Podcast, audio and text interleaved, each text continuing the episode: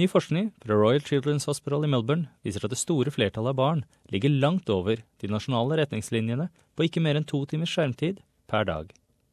Og den viser at å eie en smarttelefon eller et nettbrett har blitt normen for barn i alle andre. Studien finner at én av tre barnehager nå har sine egne smarte enheter. Mor til to, Alice Pryor fra Melbourne, sier at som de fleste barn fortaper hennes sønn Charlie og datter Annabelle seg lett i en verden av Minecraft og andre kunstige verdener på skjermen. Hovedproblemet, sier hun, er å slå av enhetene. Som en representant for Parents Voice, et nettbasert nettverk av foreldre, sier Pryor det er ganske vanlig at barn viser sine mørkere sider når datatiden slutter. Are a lot of parents we talk to that, that um, talk about the difference in the behavior of their child. They have this, uh, what they think is quite a placid child who's suddenly uh, screaming at them because Minecraft's been turned off. Det er en kamp ny forskning viser at to tredjedeler av foreldrene sliter med på daglig basis. En studie fra Melbournes Royal Children's Hospital viser at det store flertallet av barn langt overstiger de nasjonale retningslinjene, som ikke anbefaler mer enn to timers skjermtid per dag. Men Pryor sier at det ikke betyr at foreldrene skal føle seg skyldige. Turn some music on, they have a bit of dance while you're getting stuff done around the house. If you can do those things, they're preferable. But uh, you've got to do what you need to do to get, get through your life and your parenting.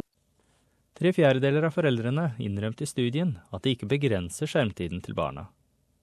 Forfatteren av forskningen, Royal Children Hospitals barnelege Anthea Rhodes, sier det er en ny epoke av det hun kaller i-parenting. Really, what we learned was perhaps a bit surprising just how much screens have become part of life for Australian kids, including very young children, with even a third of preschoolers owning their own smartphone or tablet device.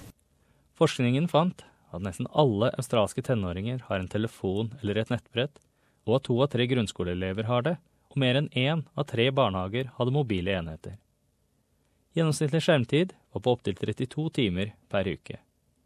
Dr. Rhodes sier konsekvensen av overdreven skjermtid begynner å vise seg.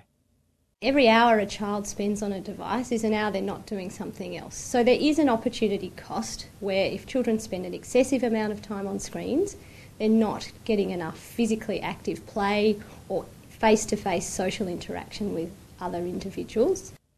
De psykologiske effektene av å erstatte menneskelig interaksjon med digital integrasjon gjør legen bekymret for den mentale utviklingen av neste generasjon. Dr. Rhodes sier at ekte menneskelig interaksjon er viktig for hjernens utvikling. Og hun sier at hun ser bekymrende tegn. In young children, things like difficulty regulating their emotions or problems developing language, and in older children, problems with mood and issues around things like bullying. Men idet foreldrene i gjennomsnitt selv bruker telefon eller skjermbrett i nesten 40 timer i uken, setter den eldre generasjonen eksempelet. Forskningen viser at nesten to tredjedeler av foreldrene har opplevd en familiekonflikt over bruken av skjermbaserte enheter. Og idet teknologien ikke viser tegn til å gå tilbake i bruk, sier Alice Pryor at den eneste veien fremover er å lære å leve med enhetene. We're definitely uh, the I generation, the I parents. Um, and we're the first generation of parents who have this availability of screens with our kids, and we're going to be the frontier for how we, how we manage that. Abby Dinham laget denne saken. Jeg er Frank Mathisen, og du hører på SBS norsk.